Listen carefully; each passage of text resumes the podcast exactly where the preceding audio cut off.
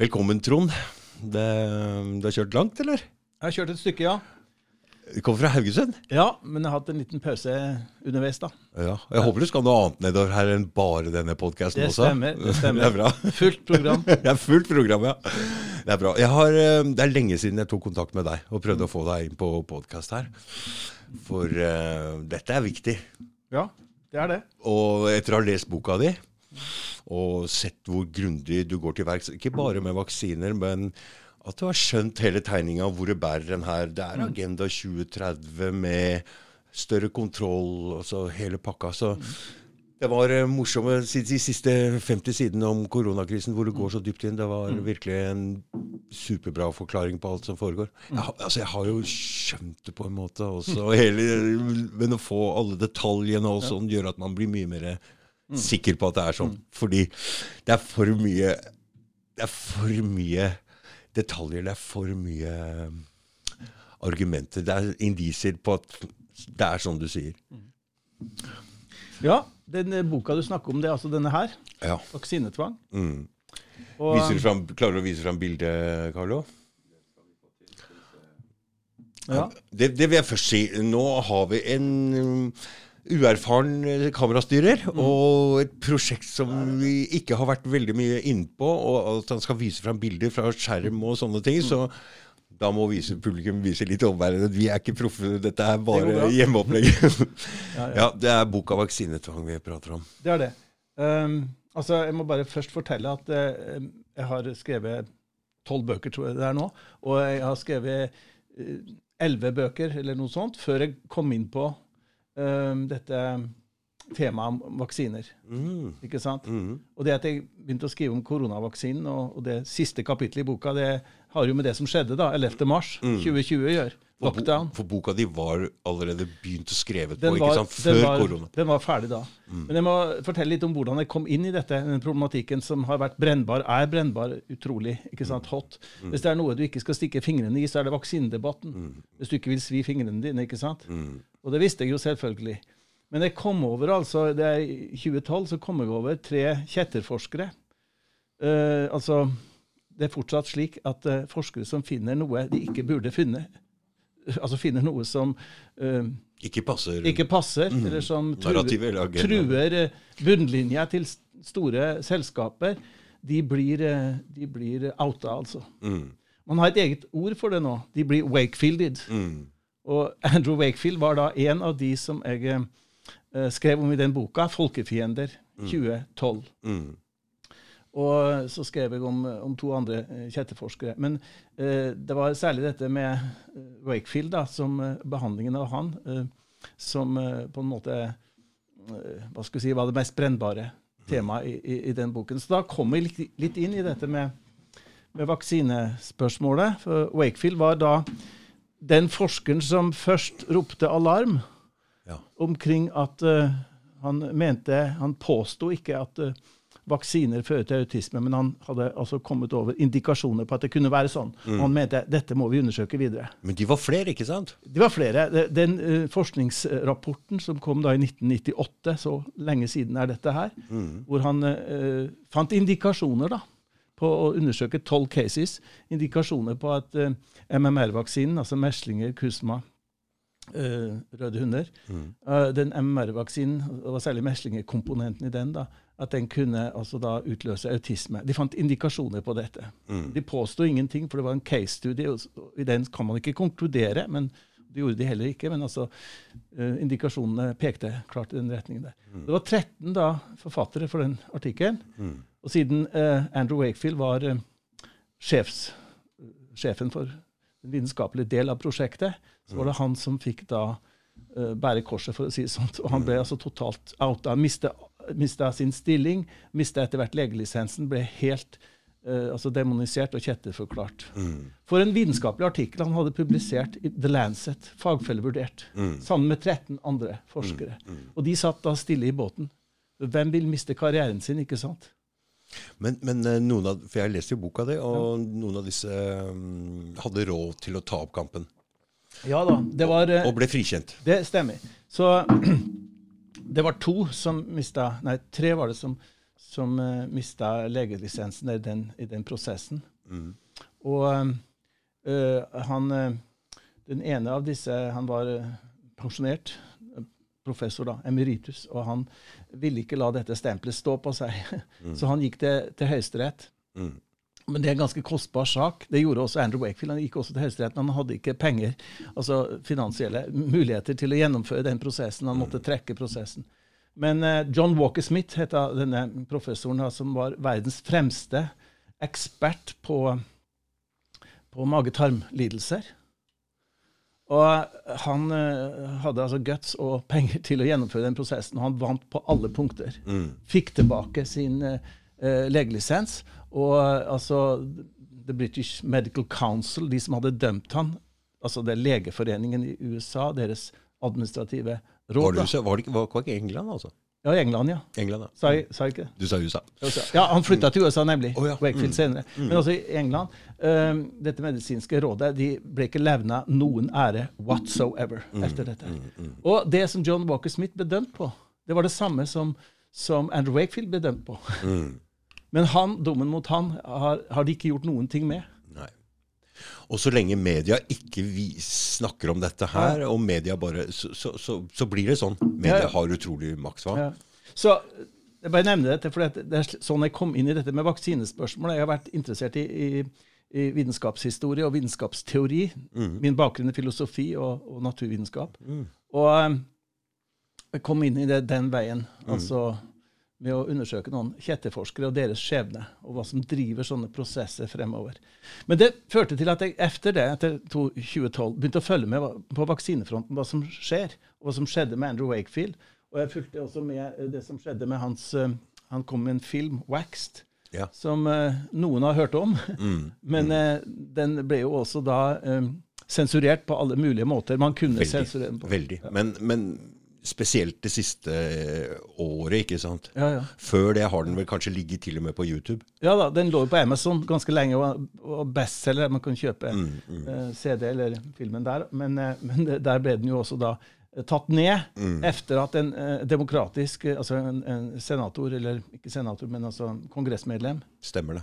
Adam Schiff, tror jeg det var, Ja. Mm. sendte brev til Amazon og ba dem å ta ned vaksinekritiske bøker og filmer osv. Mm. Nå tok de vekst først, fordi at den lå på toppen i salgslistene. Og så sensurert har dette vært at det var vel til og med på BitChute så fantes ikke den uh, filmen der. Og vi Ja. trodde kanskje BitChute var en uh, usensurerbar greie, men det er det ikke. Og det eneste vi prata om i stad, er at det ligger på Brighton. Ja. Og Brighton går det altså ikke an å linke til på Facebook. Stemmer nok det. Så Og sensuren er så overveldende, altså bokbrenningen. Det er det vi snakker om, moderne type bokbrenning. Men folk som ikke undersøker eh, saken, ikke går inn på disse sensurerte nettstedene og, og finner dem selv, de vet jo ingenting om det. Nei, nei, nei. Altså Det som ikke er sensurert, det ser du jo ikke. nei. Det er usynlig. Mm. Men så er det det da, at det en, når man begynner å sensurere, så er det en del folk som reagerer hardt. Mm. Fordi skjulte, hvis noen prøver å skjule noe for deg, Ja. da blir man nysgjerrig. I hvert fall blir jeg det, og det er Ja, ja. vel i hvert fall 10% av befolkningen som reagerer den veien. Ja visst. ja visst, visst. Ikke sant? Så, så Det, det, det blir en voldsom polarisering mellom de som er klar over det, og de som ikke er klar over det. Veldig, veldig. De som er klar over det, de ser noe som flertallet ikke har sett ennå. Mm, Og det at vi lever i et bunn sensurert samfunn. Vi trodde jo ikke det. Mm. Altså Da jeg vokste opp ennå, på 70-80-tallet, ikke sant, så var det i Øst-Europa dette skjedde. Ja, ja, ja. Det var der de hadde dissidenter som ikke fikk komme til orde, osv. Mm. Hvor, hvor den frie talen var sensurert. Og nå har dette langsomt, langsomt, langsomt seget inn på oss. Mm. Og folk flest har ikke lagt merke til det. Nei, de vet ikke om det ennå. Det er altså ganske heftig. Ja, ja, Det er ja. det, er det. Det, er, det er veldig alvorlig. Jeg sitter og ler litt av det, men det er veldig alvorlig. Jeg tenkte egentlig på Jeg sitter her og er veldig blid og sånn på alle podcaster, men jeg tenkte i dag er det alvor. Nå er det alvor. Men, men, men, men, men likevel jeg, klarer jeg ikke å la være å, å, å le litt av det. det er jo jeg bare er absurd sånn. også. Ja, det er helt absurd. Jeg er helt enig med deg. Men OK. Det, når jeg altså da hadde gjort den studien der, 'Folkefiender', boka i 2012, så begynte jeg å følge med som sagt, hva som skjedde inne på, på vaksinefronten. Og Da ikke bare sensurering, men jeg oppdaga noe annet. Som ikke ble annonsert på NRK, VG og Dagbladet og elitemediene. ikke sant? Og det var det at det øka på, særlig i USA. USA ligger i front med det meste. Mm. Har, har gjort det i 100 år nå. Og vi vet ut fra erfaring at det som kommer i USA, det kommer her om noen få år. Ja. Hvis vi ikke velger en annen vei bevisst. Og det som skjedde i USA da, på vaksinefronten, det var det at uh, i USA så ble stadig mer og mer Det kom mer og mer vaksinetvang inn i bildet. Altså i uh, The land of the free and brave. ikke sant? Dette landet som hadde tatt imot så mange religiøse dissidenter videre fra Europa. ikke sant? Hvor man, altså The free heaven. ikke sant? Det var liksom det stedet man kunne søke til når man ble forfulgt i andre land. Amerika. Der begynte det å vokse mer og mer. altså Farmaindustrien, Big Pharma, ikke sant? deres makt uh, har vokst og vokst og vokst sammen med deres pengebinge. Og, eh, og de begynte å, å styre politikken, og media selvfølgelig i USA. Og uh, tvangsvaksinering, eller mandatory vaccination som det heter der, da, det, det øka på, øka på. Uten at det var noen sak. Det var ikke noen nyhetssak her i landet. Men eh, jeg så det. Jeg så det kom. Eh, og da er det sånn at i USA, hvis vi går tilbake til 80-90-tallet og tidlig 2000-tall, så var det slik at myndighetene regna barnevaksinasjonsprogrammet for eksempel, de det som obligatorisk i sin retorikk. Men sannheten, eller fakta, var jo det at enhver som ville ha fritak, fikk fritak. Det var tre fritaksgrunner som altså hele tiden frem til årtusenskiftet og et stykke etterpå eh, var intakt. Og det ene var medisinsk grunn. Altså Hvis du gikk til en lege og fikk et medisinsk unntak fordi for eksempel du hadde dårlige erfaringer tidligere med vaksiner, eller du eh, kom fra en familie som hadde altså Religiøse.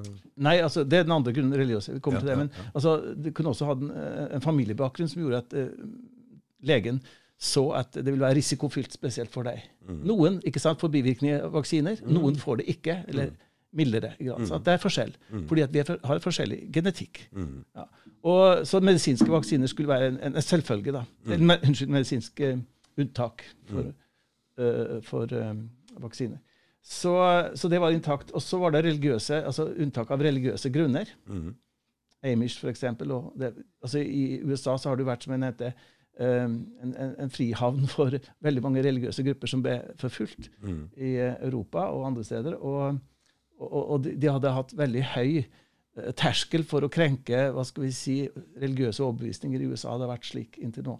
Også når det gjelder å ta, tvinge medisiner på folk. Mm. Skulle bare mangle, skulle man si. Men, men altså, ja, ok. Og den tredje grunnen var faktisk filosofisk. Altså Du kunne nekte vaksiner på filosofisk grunnlag. Og det hadde man innført fordi at det var ikke alle som var religiøse. Også ateistene måtte jo få lov til å nekte. Ikke sant? Ja, ja. Altså ut fra livssyn. da. Så det ble kalt filosofisk unntak, religiøst og medisinsk. Og det så, da um, Dette utvikla seg etter årtusenskiftet. Rundt 2010 og utover så eksploderte det. Fra delstat til delstat, for dette blir regulert på delstatsnivå, nemlig. Fra delstat til delstat så begynte man å ta vekk disse unntakene. Og så ble det tvungen vaksinering mer og mer. Og til og med det medisinske, altså. Man skulle jo tro at det, det kunne de ikke røre. Hvis en lege har sagt at denne pasienten min her bør ikke få denne vaksinen, som ellers er tvungen, eh, eller mandatory, eh, pga. sånn og sånn, så skulle man tro at det ble respektert. Mm. Men i California gikk de foran, altså.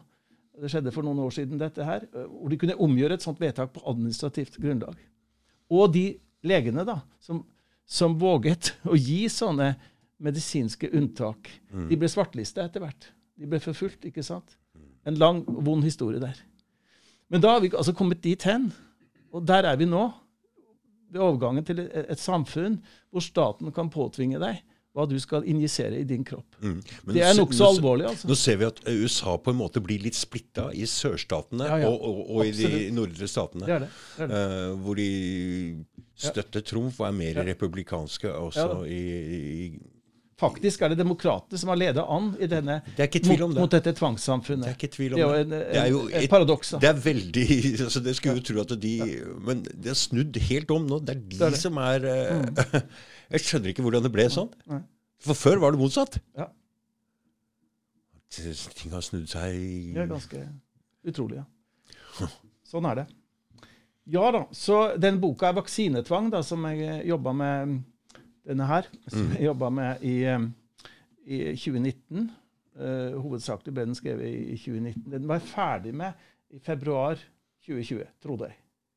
Det var veldig spesielt. Og den omhandla jo da denne prosessen som jeg forteller om nå, dette med utviklinga mot vaksinetvang. Ja, ja. og som ligger bak det. og Hvor jeg også går inn på det juridiske, etiske, og Nürnberg-prosessen. Og menneskerettighetskonvensjonene og hele den pakka. Du må ha veldig gode følehorn for hva som skal skje. Jeg hadde det den gangen, ja. Ja. For det, da boka var klar, den var så klar at jeg, jeg jeg var i ferd med å bestille plass på Litteraturhuset for presentasjon. Ikke sant? Mm. Så kom, Så kom, så kom så kom koronaen. Mm. Og jeg så ganske med en gang, eh, ganske tidlig, eh, altså allerede i februar, før eh, dette med nedstengningen kom 11. mars, da, så så jeg at dette må jeg skrive om. Dette må bli et eget kapittel. Mm. Jeg må vente med å publisere den. Jeg må se hvordan dette bikker. ikke sant? Mm. Og så kom jo nedstengningen 11. 11. mars. Og så fortsetter jeg, og så, så det koronakapitlet ble jo det største, da. Ja. Eh, det var jo liksom toppen på dette her. Og tittelen måtte bli 'Vaksinetvang'. I skyggen av koronakrisen. Og det koronakapitlet er kanskje det viktigste også, for det Ja. tar for seg um, grunn... Altså, du, du, viser helt klart hva og hvorfor dette skjer. Mm. Uh, med de lockstep-greiene fra Rockefeller Foundation den gangen, Ja. hvor de følger dette helt, Ja. helt, helt, helt etter punkt og prikke med den verste Mens de holdt på med den nedstengninga, så fikk jeg jo tid da, til, å, til å grave meg ned i forhistorien til, mm. til det som skjedde her nå. Og eh, så viste det seg at de har hatt to, altså. Når jeg sier de, så mener jeg eh, um, eh, de som ellers styrer denne prosessen her internasjonalt. Vi kan komme tilbake til det. Men eh, det har vært to da, øvelser som uh, da Hva skal vi si? Uh, eh, øver på det som nå vi har vært igjennom, og som skjer nå. Også så nøyaktig. Veldig nøyaktig. Veldig nøyaktig. Med Kina, med koronavirus. Og Mm. Så er det akkurat det Ja. som kommer. Så den første du nevnte der, det var Rockefeller Foundation da, som arrangerte. Eh, Mm. Så det var også en øvelse. Ja, ja. Jeg tror det var i, i 2010. Det, Ja, mm. det kom altså ut et dokument om det som jeg skriver i, eh, i siste kapittel der, Mm. eh, som skildrer en, en situasjon som ligner voldsomt på den vi er inne i nå. Mm. ikke sant? Og hvor Kina går foran og, eh, og viser vei for de andre. Mm. Hvordan de skulle håndtere den her med, med nedstengning av samfunnet osv. Mm. Og Og den andre øvelsen det var den som ble holdt høsten 2019, som heter Event. Den er vel de aller fleste, eller i hvert fall veldig mange, er klar over. At de satt og øvde på akkurat det samme som skal skje nå. Mm. Ja. Og det er jo derfor grunnen alle var klar over hva de skulle gjøre også. Og mange av disse tror jo de gjør det riktige. Ja, ja. Ikke sant? Det er ikke tvil om det. Fordi de tror, tror vi er i en pandemi. Ja, ja. Det, Noe jeg ikke klarer helt å se, men uh, Nei, det kan man ha ulike meninger om, men vi har vært i pandemier før, da.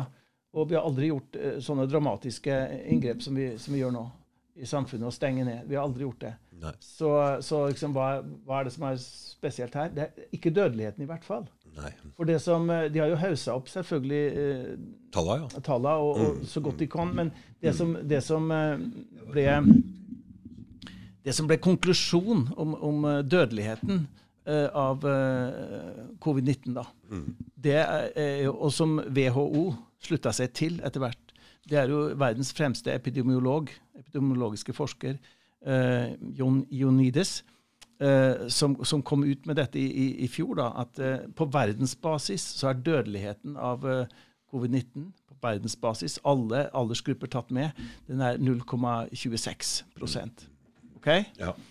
Og eh, det er ikke svartedauden, altså. Nei. Det er ikke det. Altså, det vil si 0,26% av de som blir infiserte, De som er smitta, ja. av de som er smitta, vil dø av det. Og så kan vi jo diskutere PCR-testens Ja. eh, hva det er for noe, og om Ja. det i det hele tatt er så det, De har jo aldri testa Mm. friske folk før og sier at du, er smitta. Altså, det her er, ligner ingen Men jeg må også føye til at dødeligheten for de under 70, det er jo de eldste, som vi vet. De eldste som er mest utsatte. Og, og de må beskyttes. Det er helt klart. Men eh, dødeligheten på verdensbasis for de som er under 70 år, er 0,05 prosent. Og da er vi på influensanivå omtrent. Ja. Ja. Slik at eh, eh, dette er en, for, for de som er friske, og under, eh, ellers friske og under 70 år, så er det en, eh, en slem influensa vi står overfor. Det er ikke noe som tilsier at man skulle stenge ned hele verden. Og, og det finnes jo strategier utviklet av, av eh, innsiktsfulle forskere innenfor dette feltet her. Uh, det finnes en strategi som heter The Great Barrington Dec- Declaration, som i hovedsak går ut på at vi skal ha behandlet dette som en slem uh, influensa. Altså Det betyr at vi skulle beskytte de svake gruppene. Og de kan selvisolere seg og få hjelp til det. Uh, og så skal vi la samfunnet gå sånn som normalt, som vi gjør i en influensaepidemi, og så skal vi sat satse på naturlig immunitet. Det er deres strategi. The Fordi- Great Barrington Declaration. Fordi Hvis man begynner å se hva slags konsekvenser dette får rundt omkring i verden med disse lockdownene altså ja. vi- Det er en ting her i Norge hvor vi har god råd, og vi kan sitte hjemme og jobbe hjemmefra. Men når du låser en hel familie på ti da, inne på et lite rom uten aircondition og sier du får ikke lov å gå ut Det er ikke noe mat, det er ingenting. altså det er Folk sulter i hjel. Folk eh, Altså Regninga for det den har jo ikke kommet ennå. Den kommet. den er i ferd med å komme. Ja. Mm. I form av selvmordsstatistikk og, og, og tapte arbeidsinntekter og hungerskatastrofer rundt omkring i verden. Men vi har ikke sett hele regninga ennå. Den kommer etter hvert. Og den kommer i neste generasjon. Mm. Og ikke nok med det, men det økonomiske bildet også. Det, vi, vi ser det nå. Alle varer blir dyrere. Ja. Alt blir dyrere. Og det, ikke bare det, men med strømmen her. Altså, vi, vi, vi kommer til å få dårligere råd her. Ja. Jeg er ikke tvil om det. Nå satte de opp renta også, så de vil ha opp renta enda mer. Vi, jeg tror vi går mot en økonomisk kollaps, egentlig. Ja, og, og eh, jeg må jo si det at eh, alt jeg har satt meg inn i omkring dette, her, peker i retning av at den er ønsket, denne økonomiske kollapsen. Det er sant. Fordi at hvis man går til eh, World Economic Forum, Mm. som er på en måte en edderkopp i, i nettet her, og som holder i veldig mange tråder, da, Mm. og som koordinerer altså politikken på mange måter eh, av det som skjer. Der har du en leder som heter Klaus Schwab, som har eh, stifta World Economic Forum i Davos, hvor hvert år eh, de mest pengesterke eh, selskapene sender sine representanter og møtes der og legge planer for fremtiden. Og politikere. Ja, politikere, ja. Og legge planer for fremtiden for oss. Mm.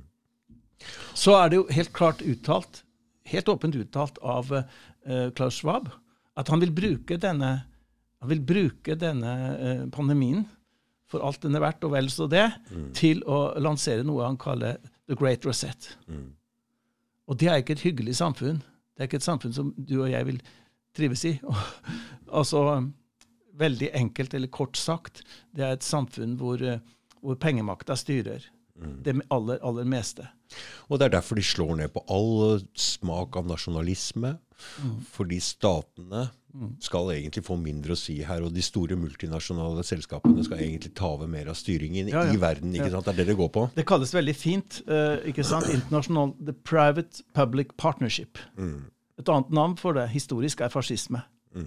Altså hvor korporasjoner, store selskaper, kommer inn og styrer samfunnets utvikling. Altså helt udemokratisk, ikke sant? Mm. er, Helt udemokratisk, Ja. det, det må vi de, de er ikke valgt. Nei. Ingen av oss har valgt Bill Gates for å legge planene for fremtiden. Men altså slike store multinasjonale selskaper og pengemakt de kommer inn først side om side med politikerne. Det er liksom et partnership.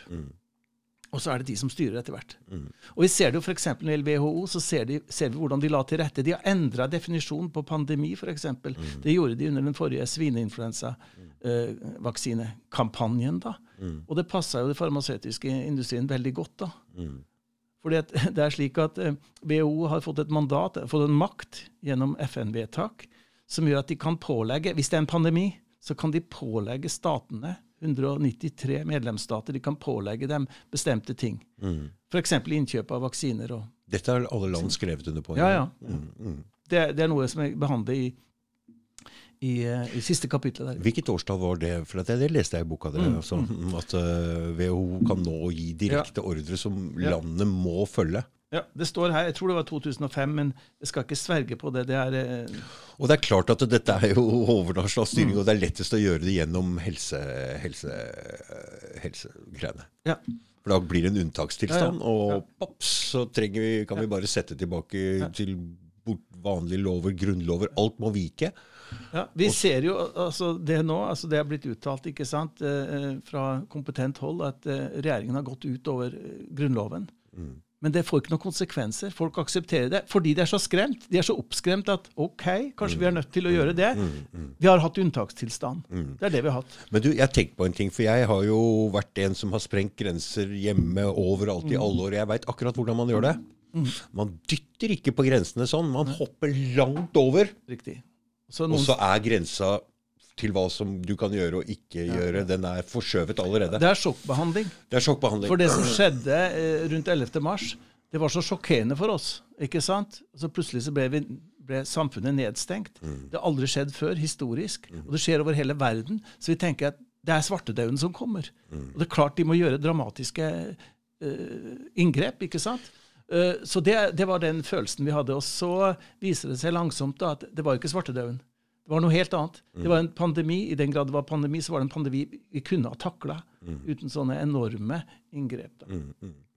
Altså, jeg har jo mm, vært motstander av det her eh, helt, siden, helt siden det begynte. Og jeg ser jo nå at vi er mange flere på Facebook. Ja, ja. Vi er mange nå. Før jeg kunne, hvis det var noen som kommenterte, jeg trykker på dem, og vi så ok, det er mange felles venner, og det er venn, vi er venn med dem. Men nå det er Vi er mange. Ja, ja. Så motstanden vokser. Og Det bra, bra er det, og det er vel kanskje derfor de akkurat slipper opp litt grann her nå. da. Men det er klart, hvis vi ser bare på vår egen, egen lille andedam her i Norge, så har vi sluppet ganske billig fra det. Det har vært mye, Ja ja. mye tøffere tak mange andre steder. Det er det. Så, så eh, hvis man ikke hever blikket og ser rundt seg, og ser hva som skjer internasjonalt, så får man ikke det hele bildet. altså. Mm. Nei. Man får ikke det. Det verste eksempelet er vel kanskje Australia nå, hvor de Ja. går så hardt i verks. Og New Zealand også. De bygger konsentrasjonsleirer. Ja. De gjør det, altså. Bokstavelig talt konsentrasjonsleirer. Og er, de er tiltenkt de uvaksinerte etter hvert. For det har vi hørt om lenge nå, spesielt den gjerningen Alex Jones og prater om disse FEMA-camps Ja, som, ja. som liksom Hva er de til? Hva, hva, hvorfor bygger de disse svære interneringsleirene? Ja. Og nå får vi svar, eller? Ja, altså jeg vil bare sitere litt fra Det er jo mange som har blitt oppmerksom på dette her, og som ser hva som skjer, hva som forberedes. Og interessant nok så er det altså Det er mennesker som har overlevd holocaust, som lever ennå. De er 80 pluss nå. Altså Hvis du er født ikke sant, under, uh, under holocaust, noen ble født der, så, så er du rundt 80, ikke sant? Noe over 80. Uh, men det er no, noen av dem som fortsatt er oppegående og, og våkne. Og det finnes uh, barn av dem og barnebarn av dem som også er involvert i, i dette her. Nemlig et, et opprop som eh, et åpent brev fra holocaust-overlevende til de ansvarlige helsebyråene i EU, United Kingdom, eh, Australia, New Zealand og Canada. Jeg har dette brevet foran meg her, som eh, heter da Stop the COVID Holocaust. Open letter. De ser noe som folk flest ikke ser. De ser at det er noe som ruller frem nå, som kommer. Mm. Hvis jeg får lov, så vil jeg gjerne lese litt innledningen til dette her. Klart Ganske leser. alvorlige slag, altså. Og når vi vet hvor det kommer fra, jødiske eh, holocaust-overlevende, så burde vi stanse opp et lite øyeblikk og spørre oss hva er det de har sett som jeg ikke har sett? Hvis man selv syns at dette er da å skyte langt over mål, liksom, så må man spørre seg hva er det de ser? Her står det Vi, de overlevende fra grusomhetene begått mot menneskeheten under andre verdenskrig, føler oss bundet til å følge vår samvittighet og skrive dette brevet. Det er åpenbart for oss at en ny holocaust av større omfang nå finner sted for våre øyne. Flertallet av verdens befolkning er ennå ikke klar over hva som skjer. Gjett hvorfor de ikke er det. Media. Ja, det er kort og godt svaret på det. Fordi størrelsen på en organisert kriminalitet som denne ligger utenfor deres erfaringsområde. Vi ser imidlertid hva som skjer. Vi husker navnet Josef Mengele. Noen av oss har personlige minner. Vi opplever en déjà vu som er så skremmende at vi reiser oss for å beskytte våre stakkars medmennesker. De truede uskyldige inkluderer nå barn, til og med spedbarn. Nå tenker de på vaksin, vaksineringen helt ned til spedbarnsalderen. Det er det de beskriver som den nye holocausten, altså.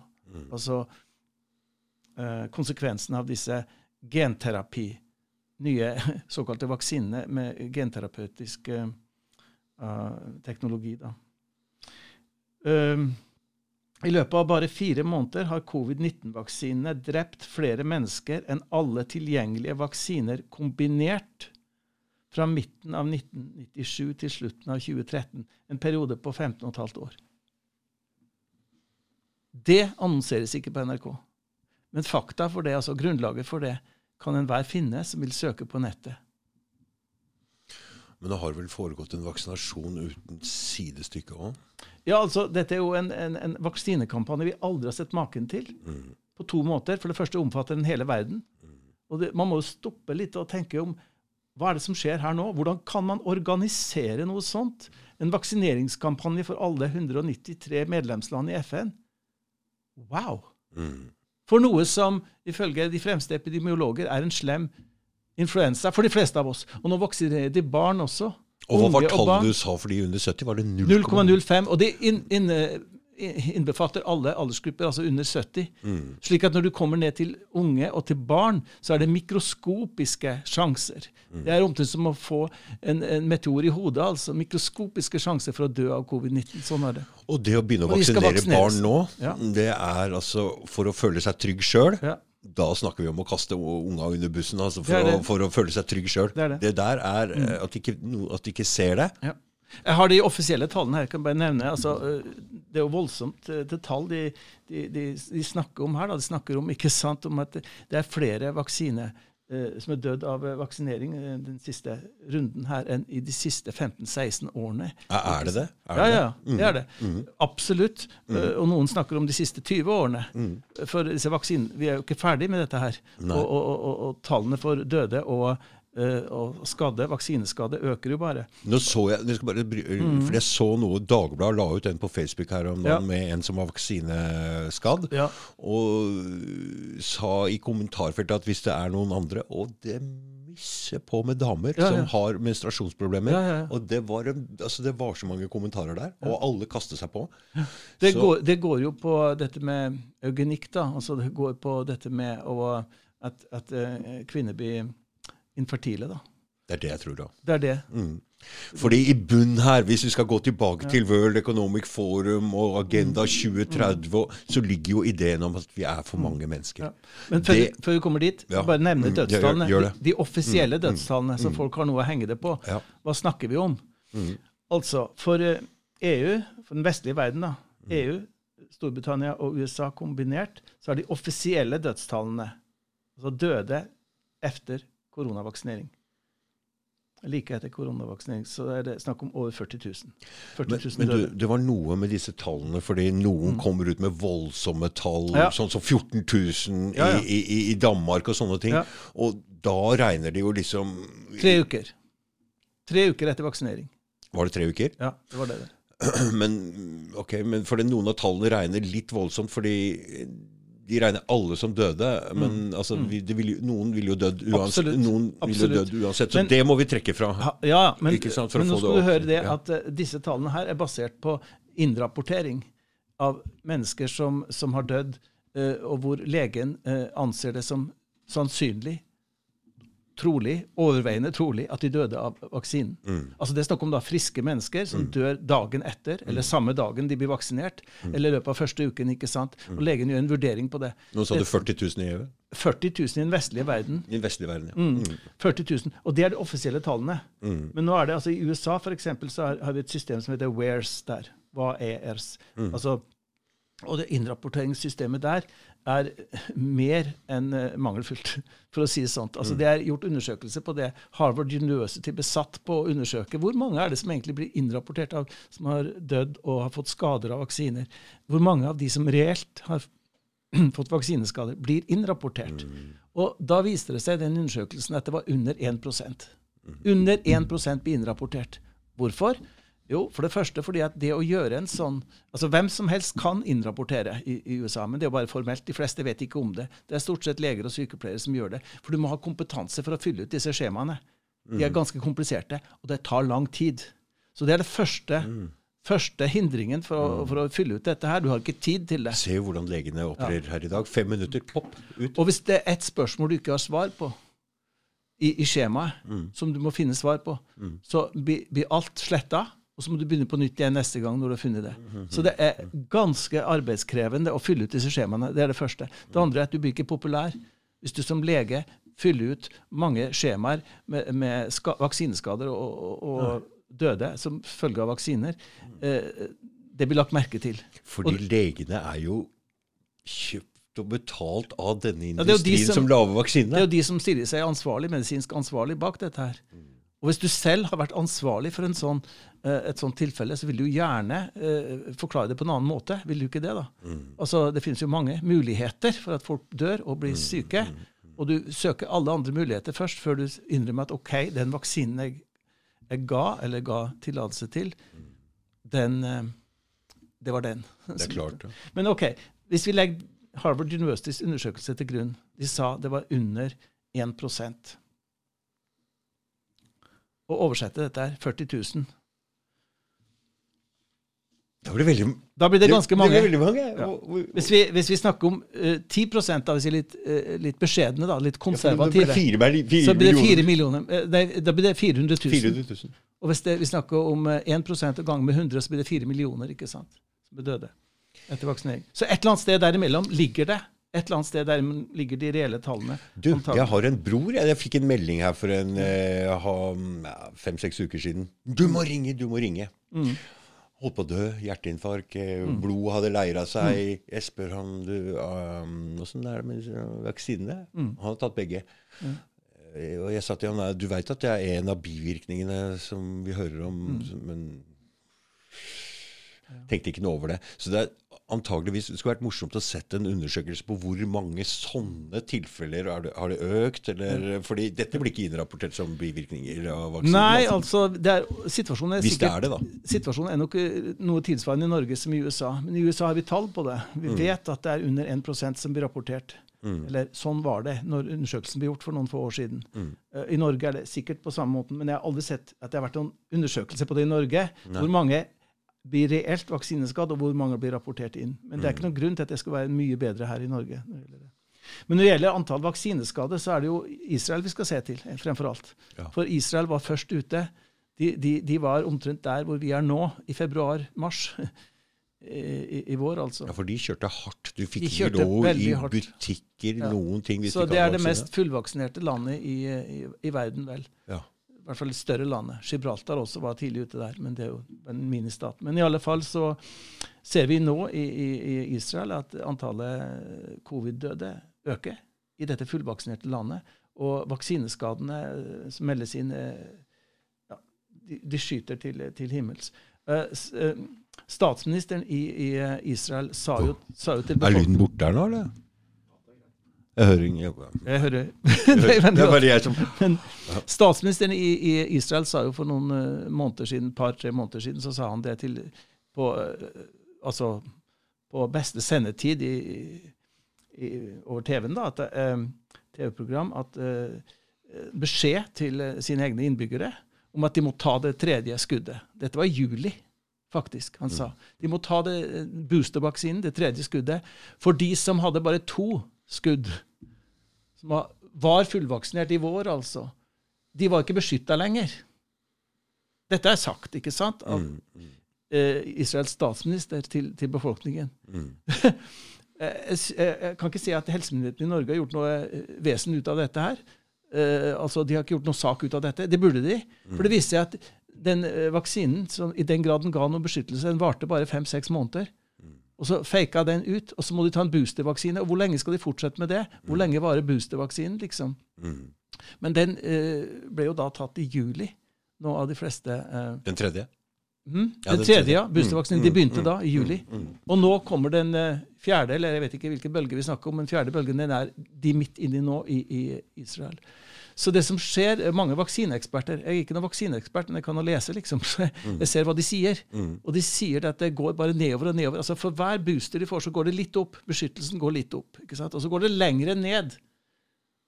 Altså De er mye verre stillet enn en, en de som eh, ikke har tatt noen vaksine, for de har tross alt en naturlig immunitet å gå tilbake til. Ikke sant? Og her er vi inne på noe som du var innom tidligere i boka di, hvor egentlig vaksine gjør at folk blir mer syke av den samme sykdommen. Fordi Ja. det rammer små barn ikke sant, som ikke får det naturlige eh, hvis du har, har blitt immun. For det, alle fikk jo nesten kusma eller Ja. disse meslinger og disse tingene. Og hvis du får det som voksen eller som spedbarn, det er jo da det er farlig. Ja. Ikke sant? Du skal jo ha dette i ungdomstida. Så når du ikke har den naturlige immuniteten, så Mm. blir det heller ikke overført til spedbarna. Da får spedbarna det, og ikke, så varer det ikke så lenge. Så du har det heller ikke når du er gammel. Så Det fenomenet du peker på der, det er det som nå kalles, uh, blir mer og mer kalt vaksineforsterket sykdom. Altså at vaksinen forsterker sykdommen. Eh, jeg skriver om det i siste kapittel her, og her bruker det, det er to betegnelser som er brukt. Her betegnes som ADE. Eh, altså det er um, Antibody Dependent Enhancement på engelsk, altså antistoffavhengig forsterkning. Men det er snakk om altså at eh, vaksinen forsterker sykdommen. Og det er det de var mest uh, bekymra for når, eh, når de uh, utvikla denne koronavaksinen. Fordi vi har jo hatt en runde med SARS tidligere, som ikke ble noen pandemi, da. Men det var jo SARS-CoV-1 ikke sant, for ti år siden. Eller nei, 20 år siden er det faktisk nå. Hva var det fuglegreiene? Nei, det var eh, en SARS-epidemi som ble stoppa, som var ganske lokal. Okay. Mm. Kina, Singapore-området der. Som aldri ble noen verdensomspennende eh, pandemi. da. Mm. Men, den, eh, men det altså var et SARS-virus da, som ligna veldig på det vi har nå. Men det var ikke så smittsomt som, som det vi har nå. Men etterkant av den uh, epidemien, som kunne blitt en pandemi, da, så begynte man å forske på hvordan skal vi utvikle vaksiner for, eh, eh, for SARS, hvis det kommer en ny. Ja, karo men korona er, er spesielt vanskelig å lage vaksine mot i forskjell Ja, til de andre det er nettopp det. virusene. ikke da? Du vet, Det er eh, visstnok syv ulike varianter av, korona. Mm. Og noen av disse er det, er det vi får forkjølelse av. Og forkjølelse får vi jo alle sammen. Selv om det ikke er noe alvorlig. Så, så hvis man kunne lage en vaksine for forkjølelse, så hadde de sikkert kunnet tjent penger på det. Klart ja. Så hvorfor har vi ikke noen vaksine mot forkjølelse? Det viste seg nemlig at eh, når de begynte å forske på dette her med å, å lage en vaksine for uh, SARS-viruset, som er et koronavirus, så viste det seg at det var uhyre vanskelig, forsiktig sagt. sagt. De gjorde dyreforsøk, da. Ja, de, Og dyrene ble alvorlig syke eller døde. mm, mm, Alle sammen. Alvorlig syke eller døde som følge av vaksineringen. Og de som sto midt oppi denne forskningen, som var da vaksinepromotører, selvfølgelig, eller som var sterkt eh, altså tilhengere av å bruke vaksiner, ikke sant? De advarte nå, når man kom i den andre eh, runden her og skulle utvikle eh, vaksine for SARS-CoV-2. De advarte. Altså en sånn vaksinepromotør som eh, mest ihuga vaksinepromotøren i USA, så Paul Offit, han advarte. Eh, til og med Fauci advarte. Og jeg kan ta et eh, lite sitat her. Fauci er jo kjent for å, å snakke ut av begge munnviker, som vi sier. ja, ja. Han sier det ene, og han sier det andre, slik at man aldri skal arrestere ham for at han ikke har sagt det. Nei. Og han hadde også ad advart mot de alvorlige helsekonsekvensene som kan komme med en koronavaksine. Nettopp pga. de erfaringene de har gjort. Men du, den Johnson Johnson, var det den som de eh, sa nei til her i Norge med en gang? Eller hvilken vaksine var det de sa nei til med en gang? som... Det var Johnson Johnson, ja. Og AstraZeneca AstraZeneca senere. Da. For disse var ikke mRNA, Nei. ikke sant? Nei. Det var vanlige koronavaksiner. Ja, men uh, dette viser seg å være altså Den faren de snakker om, det gjelder for koronavaksiner generelt. altså. Mm. Det er noe med koronaviruset der og, og vaksineutvikling som, som gjør at eh, man ser denne faren for vaksineforsterket sykdom. Og det betyr da, det betyr da at hvis, man, eh, hvis det utvikler seg, så vil man stå mye verre når man har fått vaksineringen. Da er man mye mer utsatt for å få en alvorlig sykdomsutvikling. Det er det de, de frykter aller mest. da. Um, Og det sier litt at vi må begynne å ha én vaksine hver sjette, Ja. eh, hver sjette måned. Ja. Så eh, bare finner dette, dette mm, sitatet til, eh, til Fauci. Jo, her har vi det. Altså det, I slutten av kapitlet om eh, koronavaksinen her, så, så sitter jeg tre sånne vaksineselgere, for å si det sånn. Vaksinepromotører. En av dem er Anthony Fauci. Og jeg tror de fleste kjenner han som eh, koronageneralen i, i USA. Helt klart. Uh, men han sa altså han er sagt I et ubevåkt øyeblikk så sa han sannheten om, om den risikoen som de går inn i her. Han ville at den amerikanske offentligheten skulle vite det.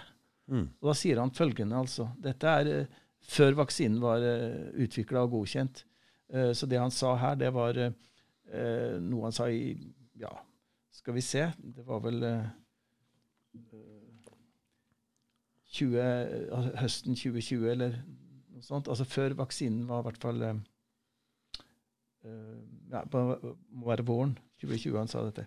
Jeg kan finne det. Han- Etter at koronaen kom. Ja, ja, ja. Etter at Mm. koronaen kom. Men det, Mm. før eh, vaksinen var lansert da, Mm. så, og godkjent, eller nødgodkjent, som det heter. Skal vi se om jeg finner akkurat uh, når han sa dette her. Um, Ja, det, var, det var i løpet av vaksineutviklingen. Det var på våren. Altså våren 2020. Mens de utvikla vaksinen. da. Og da sier han jeg vil forsikre meg om at den amerikanske offentligheten forstår dette spørsmålet om sikkerhet. For det er sikkerhetsproblemer assosiert med dette. Vil koronavaksinen gjøre det verre? Vil koronavaksinen gjøre det verre? Det er sykdommer der du vaksinerer noen, så blir de, blir de så infisert med det du forsøker å beskytte dem mot, forsterker du faktisk infeksjonen. Du kan se dette i dyremodeller. Altså Da tenker en på SARS-CoV-1, disse dyreforsøkene de gjorde den gangen. med provo Først ga de vaksinen ikke sant, til dyrene, og så at de utvikla antistoffer. Og så provoserte de dem, altså de, de uh, smitta dem med villviruset. Og så utvikla de en forferdelig hyperbetennelse som førte til dødsfall for de fleste. Vi vil prøve å forsikre oss med altså, Det er sykdommer der du vaksinerer noen, blir så infisert med det du forsøker å beskytte dem mot, forsterker du faktisk infeksjon.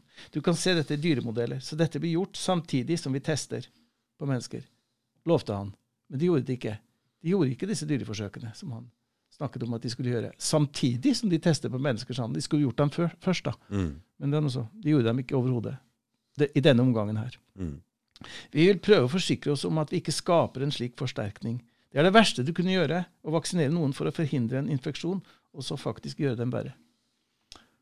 Så de er klar over problemet? Ja, de vet problemet, og de tar risikoen. Og de tar risikoen med hele verdens befolkning som, som eksperiment. Jeg så en lege som forklarte at de antageligvis før den For nå har den blitt godkjent, denne vaksinen? er Nødgodkjenninga gått Det vil si, det er, en, en, det er gitt en godkjenning, men det er gitt et nytt navn for vaksinen. Ja. Du kan gå, gå inn på det, men altså ja. fordi Ja. da var det en lege som sa at de antageligvis har forandra litt på den vaksinen hele tiden, sånn at det, er, det, sto, det hele har vært et kjempestort uh, eksperiment, egentlig. Ja, ja, ja. Altså noen områder for det, Ja. noen områder for det, og så ser de konsekvensene i etterkant. Så det har vært et uh, kjempestort eksperiment vi har vært med på alle sammen. Der har vi jo ikke oversikten, men uh, jeg, hører og leser det blir sagt at de har gjort eh, litt forskjellig i forskjellige land. Eh, men det vet jeg ikke, jeg har ikke harde facts på det, men, eh, men, men det blir sagt. Det hørtes litt logisk ut. da. Ja, ja, det gjør det. For at du ser også at det er ulike land som kommer veldig ulikt ut. I Norge tilsynelatende ser det ut som vi har kommet greit fra det, liksom. Det er ikke rart, for vi er Vi har lederen Vi, altså, vi sitter i World Economic Forum. Vi er Ja. Døtter inn i Gavi, Sepi Nor Norge er Kanskje vi er placebo-gruppa. Jeg vet ikke. Nei, det Men, men det står virkelig mer ille til i Israel da, Mm, eh, akkurat nå. Men, men de var jo tidligere ute også, så det kan godt være at der hvor de er nå, er vi om to-tre måneder. Så du det som foregikk i går, at de løser opp litt grann her da? Ja, så flott, da. Mm. At de kommer tilbake til normalen. De feirer jo det som Ja. om de er Mm. Som det er en stor seier, og jeg håper jo de har rett. da. Jeg håper jo for den norske befolknings vedkommende at vi ikke skal tilbake dit vi var på noen måte. Men eh, vi får se. Ja, vi får se. Oi, jeg holder på å nyse. jeg. Jeg er faktisk litt, jeg har faktisk litt grann influensa. jeg turte ikke å si det i tilfelle du ikke turte å komme. Jo, jo, det går bra. Jeg Det går bra, ikke Jeg har noe som man, som man satsa sterkt på i gamle dager. vet du. Det kalles naturlig immunitet. Ja. Jeg har litt av det. ja, det er bra. Det går bra. Nei, jeg regner med at du ikke tok det så veldig hardt. Det kiler litt i nesa bare. nå. Du hadde jo en masse bilder du egentlig ville vise fram, og Ja. gå gjennom på boka. Og, og, Jeg kan eh, vise fram noe av det jeg har eh, funnet ut. og så skal eh, vi se om Carlo klarer å følge med her, da. For nå kommer det vanskelig Greier det, Carlo?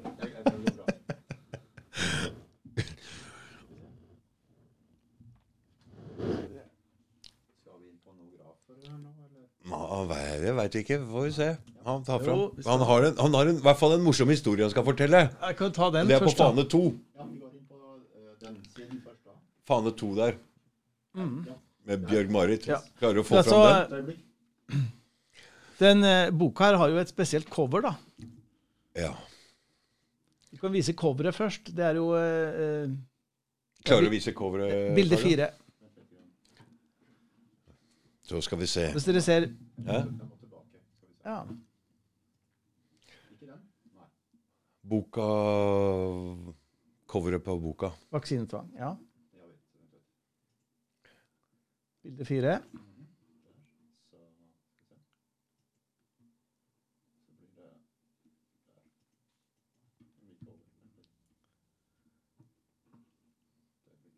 Og så enter.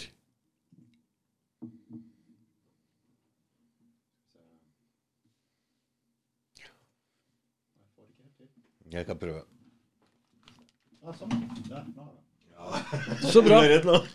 Så har du det rette bildet opp der nå, så, så skal du se at det er, det er to bilder. Er et til venstre, og det er det coveret som er på boka nå. Og så er det et til høyre der, hvor det er en dame som gir oss fingeren. Er det ikke så? Jeg klarer å vise fram? Ja, bra. bra. Eller, det, er, det er ikke oss hun gir fingeren til, altså. Det er eh, antagelig Klaus Schwab og Big Pharma og den gjengen der hun viser fingeren til. Men det er, det er en um, Hva skal vi si? Um, tragikomisk historie bak det der. Oh, ja. Ja. For det andre coveret der, det har jo ikke utvikla ennå. Det er bare et forslag. Det er en mulig. Mm. Men saken er den at uh, det hele begynte med at uh, det var eh, et par uh, antagelig ihuga uh, vaksinepromotører, eller vaksinetilhengere, da, i, på Oppdal som fikk boka mi, 'Vaksinetvang', i postkassa. Mhm.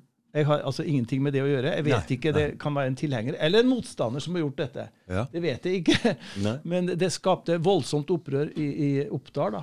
Mm. Såpass mye at uh, den ene av de, hun heter Bjørg Marit, da, hun, hun gikk til, eh, til NRK og klaga seg at hun hadde fått en bok i postkassa. Mm. Og NRK valgte å slå det opp, da. Hvis du får frem det. Skal jeg finne frem den? Ja.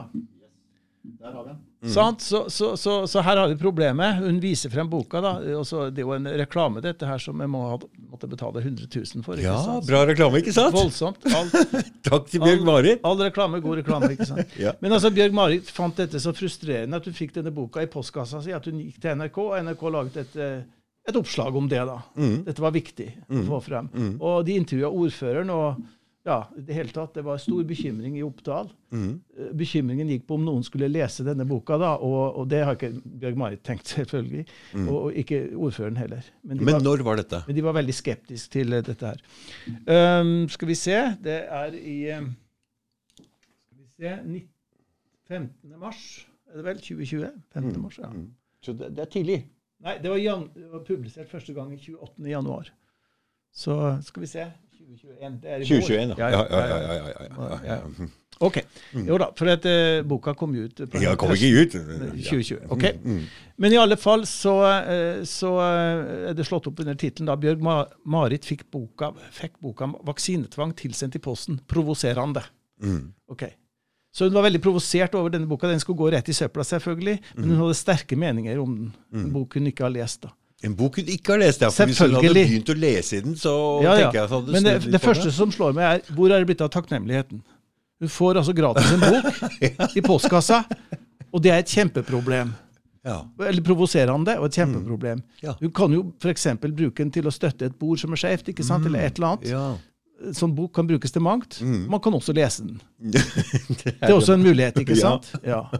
Og det er jo gjerne slik at når man eh, så har sterke meninger om, et, om en bok, så, så forutsetter vi vanligvis, under normale forhold, da, at folk har lest boka. Mm. Og så kommer med sine meninger om det de har lest. Ja. Men det, hun gjør en sånn shortcut der, Bjørg Marit. da, Og ordføreren i Oppdal også, og kommuneoverlegen, tror jeg, jeg tror alle var involvert i dette. Det var en, Ja. en kjede av folk som uttalte seg. og Bunnlinja gikk jo det at ingen må lese denne boka. Ja. De kan ta skade av det. Kanskje tar de ikke vaksinen, ikke sant? Og det ville jo vært ja.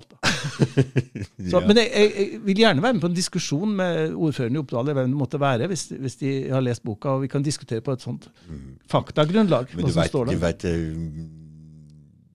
vi tør, altså, Hvis du leser boka, så er det så mye altså, Det er så mye indisier og så mye fakta i den boka der at Men nå- Altså, nå du har meg. Ja, ja. Det er bra. Men nå kommer vi til coverbildet. Mm. For Historien er ikke ferdig med det, nemlig.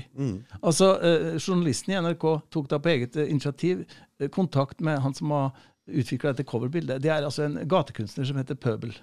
Mm. Og Det er en fotograf som har fotografert gatekunst her, og, og, og det er dette fotografiet som er brukt til eh, coverbildet. da. Mm. Mhm.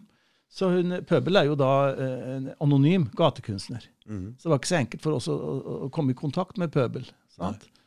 Og, og dessuten så mente vi også at eh, rettighetene til et bilde vi, har, vi selv har tatt, et foto vi selv har tatt, Mm.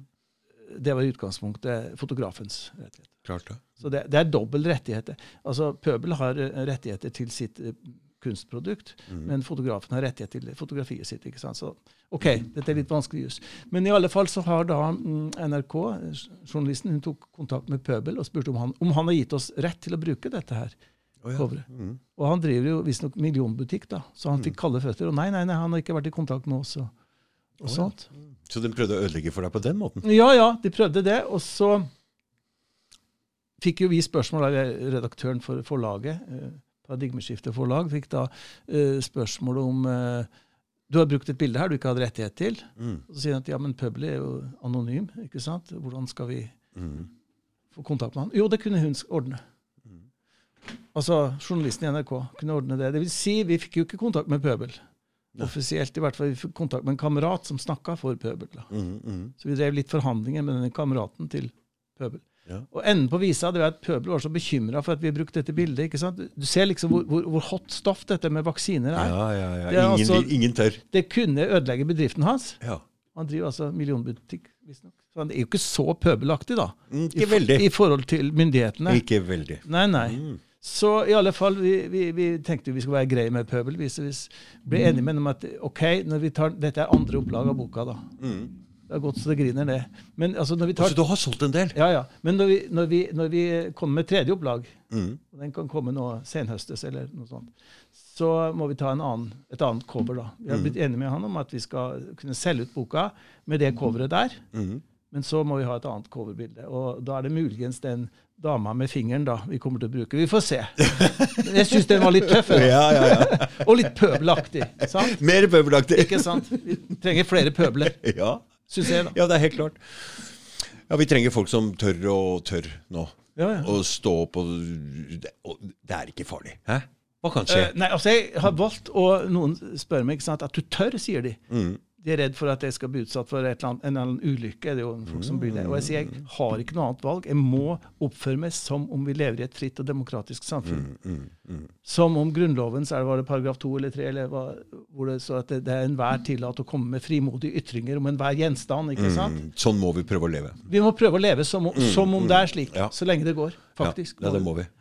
Det er veldig viktig at vi har noe motstand. Hvis ikke så blir det vi kjørt over helt fullstendig. Så, ja. Så hvor farlig det er, det får nå tiden vise, da. Men jeg har ikke noe valg. Jeg må gjøre det. De fleste er vel redd for jobb og venner og sånne ting. Og det er ikke OK, jeg vet ikke. Som han sa, han prof professoren Tore Midtvedt fra Karolinska instituttet, da han skrev forord til min bok 'Folkefiender', Mm. så sier han at han spurte seg selv hvor, hvor, hvor- hvordan kan han våge, eller hvor, hvorfor går han inn i dette vepsebolet, som han sier. Mm, mm, skrev forhold til den boken. Han visste det var hot stoff. mm. Og så svarer han på det. 'Jeg er pensjonist nå. Jeg kan gjøre som jeg vil'. Ja. Han er professor, emeritus, da, ved Karolinska instituttet. Selv en professor ved en av verdens mest velrenommerte institutter kan ikke si hva han vil om vaksiner før han er blitt pensjonist.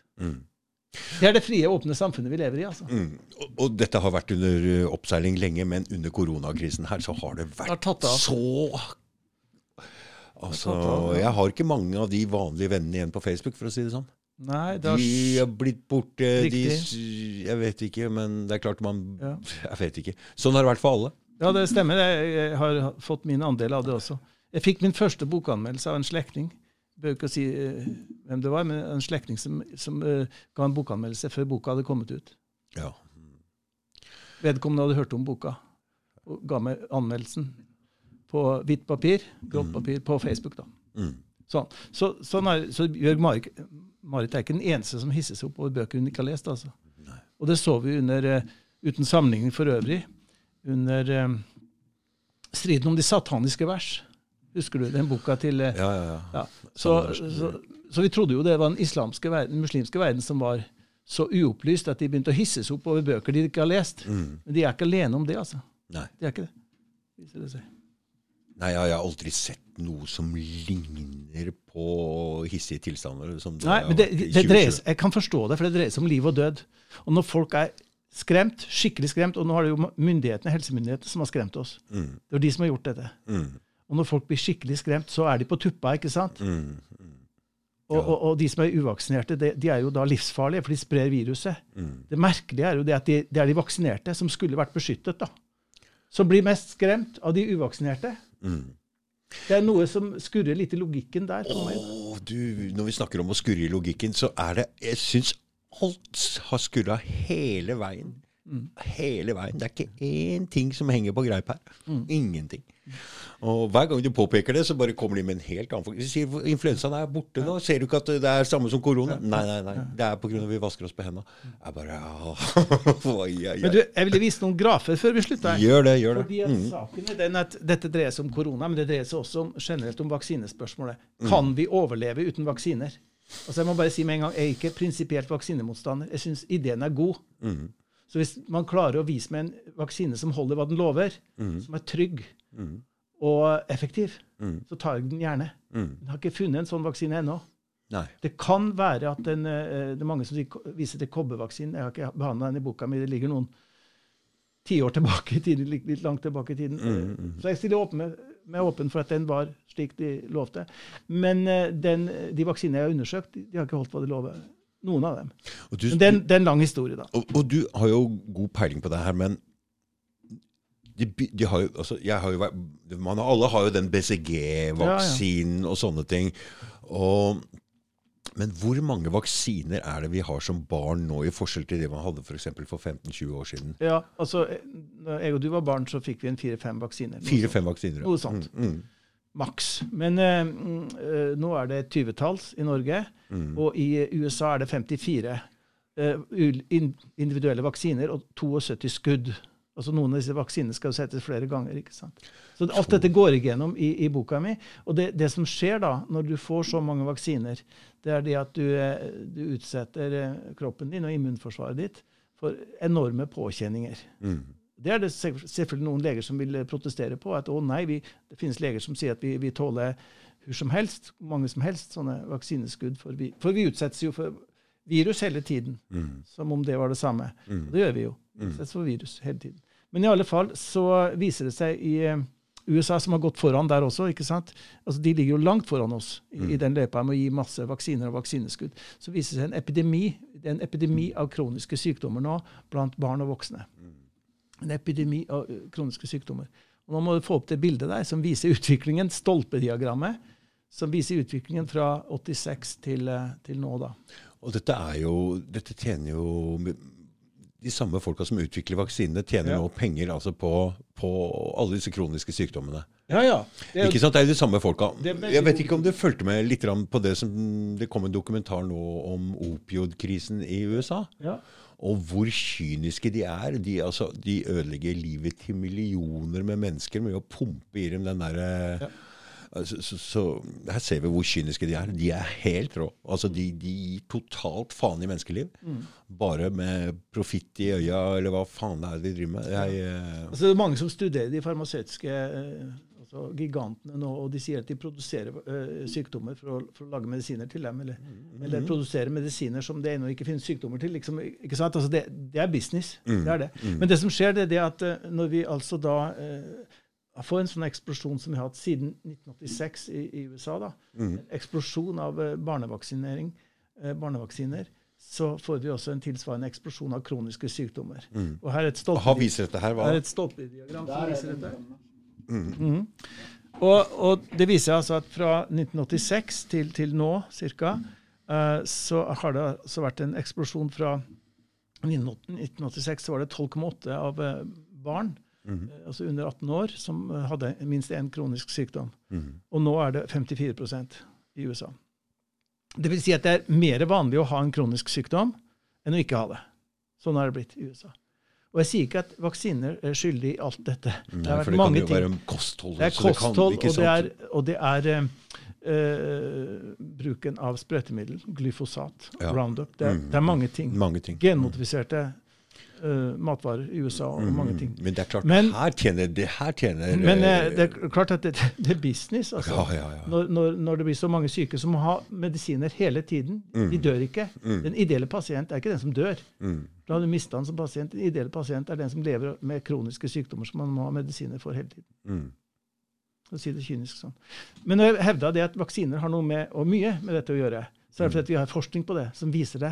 Og det er sammenlignende forsøk. Altså vaksinerte, uvaksinerte. CDC sitter på det, altså det amerikanske helse... øh, Helsemyndighetene. helsemyndighetene, ja, som svarer til FHI i Norge, da, Folkehelseinstituttet, CDC. Mm. De sitter på den største databasen, kalles VS, VSD, eh, Datalink-basen, Mm. øh, som finnes i verden, vel, hvor de har syv millioner, altså ganske eksakte helsedata for, veldig, for, for mennesker som dels vaksinerte, dels uvaksinerte. De kan sammenligne med noen tastetrykk, så kan de altså få frem eh, sammenligning av helsetilstand hos de vaksinerte gruppene kontra de uvaksinerte. Og Det ville jo vært interessant. ikke sant? Mm. Det er virkelig det som kan avgjøre dette. Ja, ja, ja. Er det en helseforskjell? Mm. Altså hvis Vi vil alle ha god helse. Og hvis det er slik at vaksiner gir oss god helse, så vil vi alle ha vaksiner. Klart. Vis oss dataene. Mm. Det er det eneste vi spør om. ikke sant? Men da, ha, ha, leste jeg i boka der at noen hadde vært inne og fått lov å titte på det, og så ble det borte igjen? CDC uh, uh, laga selv. De, de engasjerte en, en forsker som heter Thomas Verstraten. Mm. Vi snakker om 1999 nå. Ja. De engasjerte en forsker som skulle gjøre den jobben. Mm. Og gå inn i disse helsedataene i Ja. VSD-arkivet. Mm. Og det han fant, var så sjokkerende. For at der lå det helt klare beviser, databeviser, Mm. på at uh, helsetilstanden var mye dårligere hos de vaksinerte, altså sammenlignet med de uvaksinerte, når det gjelder kroniske sykdommer. Mm. Skyhøyt Mm. forskjell. Og uh, det har jeg også grafer for som viser her. Men, men, men bare for å være litt sånn å si et motargument her.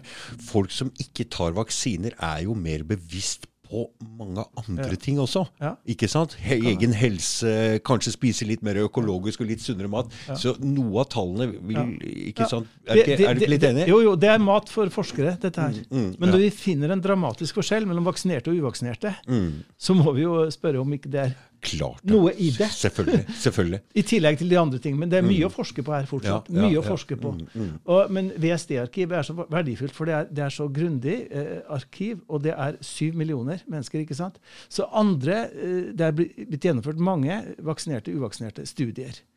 Så det er om å få tak i de dataene. Så Ja, ja. Anonymus må Men- hakke men- seg inn der. Men, men alle de andre studiene har vært små i forhold til altså syv millioner. De, de er så mye, det er så store datamengder at det kan avgjøre saken. liksom. Mm, Du kan ikke diskutere mot det. nei. Og ok, når først staten kom ut med sine eh, resultater, som viste en dramatisk forskjell, f.eks. i autisme, i lærevansker og i mange andre nevrologiske og kroniske sykdommer, hvor de vaksinerte kom mye mye dårligere ut, i eh, astma og allergier f.eks., som har også eksplodert her i, i Norge hos oss, Mm. selv om vi er eh, mer beskjedne når det gjelder antall vaksiner gir. det. Eh, når han fant disse dramatiske forskjellene, så la de hele forskningsprosjektet på is. Det ble aldri publisert.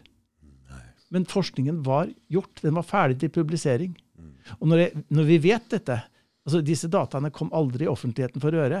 Så er det fordi at Men Robert, de, de er et sted. de er et sted, og Robert Kennedy jr., altså som er sønn til han som ble skutt, Mm. eh, broren til John F. Kennedy, Mm. eh, han driver altså en, eh, en sånn uh, organisasjon i USA som heter Children's Health Defense. Mm. Og han gikk til et såkalt FOIA-søksmål mot CDC. Det, For å få. for å få disse dataene ut. Mm. Altså Det finnes en eh, Freedom of Information Act-lov i USA som sier at all, all offentlige uh, opplysninger som ligger i offentlige data, skal være tilgjengelig for alle sammen, så, så fremt de ikke eksplisitt er unntatt Mm. eh, offentlighet. Men du må vite hva du skal spørre om. Mm. Og Hvis du vet det, så kan du også kreve det utlevert. Og hvis de nekter det utlevert, så kan du gå til retten, og det var det han gjorde, og få dem utlevert gjennom en rettsavgjørelse. Og han fikk dem utlevert. Så i dag er Førsteratens eh, rapport, som aldri ble publisert, den er, den er Den er. Den er publisert av Robert F. Kennedy jr., og den avgjør saken, spør du meg. Mm. Det gjør den. Mm. Men uh, du får ikke vite noe om dette gjennom NRK, og Aftenposten, og Dagbladet og VG. Du gjør ikke det, altså. Nei. De rører ikke ved det. Fordi de har en agenda og en støtte om regjeringen og støtte om greier, så det vil ikke gå noen andre veier. Og vi ser det i andre spørsmål enn vaksine også. Ja, ja, ja. ikke sant? Vi ser det i klimadebatten, vi ser det i andre debatter også. ja. Hvor de har hele tida den Har du dårlig tid, Trond? Nei, jeg har ikke dårlig tid, men jeg tenkte bare, eh, jeg vet ikke når du har tenkt å avrunde, men jeg tenkte vi må vise disse grafene. Vi før. vi avrunder når vi er ferdig! Ja, det gjør vi. det gjør vi. Den er god. Ja, Det vil si, jeg skal videre om en halvtime, da. ja, ja. ja, ja, ja. ja bør- ok. Mm. Nei, men jeg har noen grafer, og det er det, nemlig det spørsmålet. Det er masse spørsmål å grave seg ned her. Og, Ja. og i den boka mi så går jeg jo inn på vaksinehistorie. Mm. Og det er viktig. Fordi at det som skjer nå med koronavaksineringen, det er liksom bare slutten på en lang utvikling. Ja. Eh, og, eh, og da er det sånn at eh, det har vært mye propaganda innenfor dette feltet her. Ikke sant? Man, det er en stor oppgave å skille mellom forskning og propaganda, og det er forskningen jeg er ute etter. Som sagt, jeg er ikke prinsipielt vaksinemotstander. Hvis du kan vise meg en vaksine som holder hva den lover, så vil jeg ta den. Hvis jeg trenger den, da. Ok? så, Hvis du så- trenger den, det er også ja, ja. litt viktig. Ja, ja. Men jeg, jeg er motstander, prinsipielt motstander av dårlig forskning. Dårlig vitenskap. Det er det. Det er det hele. Mm. Og da er det sånn at vi har blitt eh, hva skal vi si, oppflaska på en myte som sier at uten vaksinene vil vi dø. Det vil si vi vil komme tilbake til sånne tilstander som var på 1800-tallet. ikke sant? Med uh, at det var store epidemier hvor folk døde av, av meslinger og av kikhoste og av skarlagensfeber og det ene med det andre, disse barnesykdommene, som stort sett er ganske uskyldige nå. eh, har vært det en god stund. Men dette går du også innom i Det, boka di, det går sant? gjennom, ja. For det, det er forsket på dette her. Det har med hygiene å gjøre, ikke sant? Det har det, fordi at saken er den at vaksinene kan, kan vanskelig eller ikke ta æren for at dødeligheten av disse sykdommene forsvant. Nei. Altså Sykdommene har ikke forsvunnet, de er her fortsatt. Fordi vaksinen Men- kom inn helt på slutten, ja, vaksinene kom for seint for å ta den æren. Mm, Da sier jeg ikke at de ikke har noe, bidratt noe. Det hadde de nok gjort på slutten der. Men Mm. de kom for seint til å ta æren, for over 90% av dødeligheten hadde forsvunnet før vaksinene kom. Og Det er noen grafer som viser dette her. Um, jeg kan bare ta tre. Og Det er den grafen som, eh, som viser utviklingen av eh, meslinger. Oh, Carlo er på Carlo er der allerede! Han er der. Det begynner å bli Så bra. Og eh, dette er altså to, eh, to grafer her som viser eh, utviklingen i USA og i eh, Storbritannia for eh, Meslinger. meslinger. Og vi ser det at dødeligheten har synket bratt fra toppåret, som er da eh, vel 1917 eh, i USA. Toppåret der. Den synker bratt, og den har gått ned over 90% 99% før vaksinene kommer. Mm, mm, mm. Altså I USA introduseres meslingevaksinen i 1963, i, England i 1968. For, dette da er- ligger dødeligheten helt nede. for Altså. disse argumentene ser jeg hele tiden. Folk kaster ut 'ja, hadde vi ikke hatt det', og du ser hvordan skal vi tilbake til det der. Ja, da må man jo spørre seg ok, hva var det som brakte dødeligheten ned da, i første omgang? Ja. In the first place. Mm. Og det er som du sier, det er hygiene, fremfor alt. Hygiene. Det er vannklosettet. Mm. Det er å skille drikkevann fra eh, Kloakken. kloakken, ikke sant? Det er bedre ernæring. Det er å sanere vekk slummen. Det var jo slumområder i mange byer eh, frem til tidlig på 1900-tallet, 1800-tallet. ikke sant? Det var jo tredje verden mange steder i Vesten. Kasta bare kloakken rett Ja. ut på gata. Ja, sånn som det er i den tredje verden. Hvor det fortsatt Meslinger kan være en dødelig sykdom for mange. ok? Og hvor man har sånne epidemier. Ok, så, så dette er kjent for de som har gått inn i vaksinehistorien. De, de vet dette. Men folk flest vet det ikke. For det er gjort en, en, en, en god propagandajobb Mm. Og det. er veldig spesielt, for deg, du sitter med så mye informasjon nå som helt tydelig viser hva som er hva, men folk vil ikke høre. Ikke sant, Trond? Ja, Det er nei, men det er jo blitt en religion, da, jeg er redd for. Dette med vaksiner, det er jo, det er jo en religion. Uh, her skal vi se, Dette er en kurve som viser kikhoste, samme mønstre. Kikhostevaksinen kom altså på rundt 1940, Mhm. Og, og, og dødeligheten hadde sunket med ca. 90 før, før vaksinen kom. Så de kommer inn helt på slutten og tar æren for alt Ja, sammen? det gjør det. Og så til slutt så kan vi ta uh, skarlagensfeber. Kjenner noen som har dødd av skarlagensfeber i det siste? Jeg vet ikke hva det er engang. Nei, nei, men, men folk døde av det, altså. Ja. De gjorde det, og den er forsvunnet. Mm. Altså, Bakterien finnes her fortsatt. Det er en bakterie. Den finnes her fortsatt, Men folk dør ikke av den, og de blir ikke syke av den engang. Der kom det aldri noen vaksine.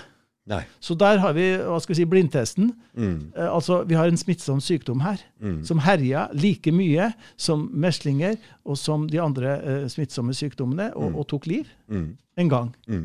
Og Og dette her følger altså helt klart hvor de klarte å få til sanitære eh, Ja, ja. forhold og sånn. Så det er Samme samme, tid. samme tiden, Ja, samme tiden på alle, ikke sant? På alle sammen. Mm. Det er det. Ja, ja. Vaksiner, Trond. Ja, det er et brennbart tema, så nå nå må jeg skaffe meg parykk, antagelig. Jeg vet ikke. Vi får se.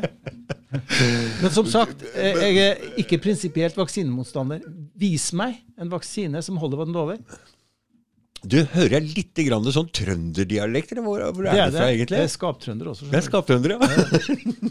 Jeg har lest for mange bøker, så jeg snakker som en bok. ikke sant? Bok, bokmål. Men jeg er fra Namdalen, ja. Ytre ja, ja, ja. ja.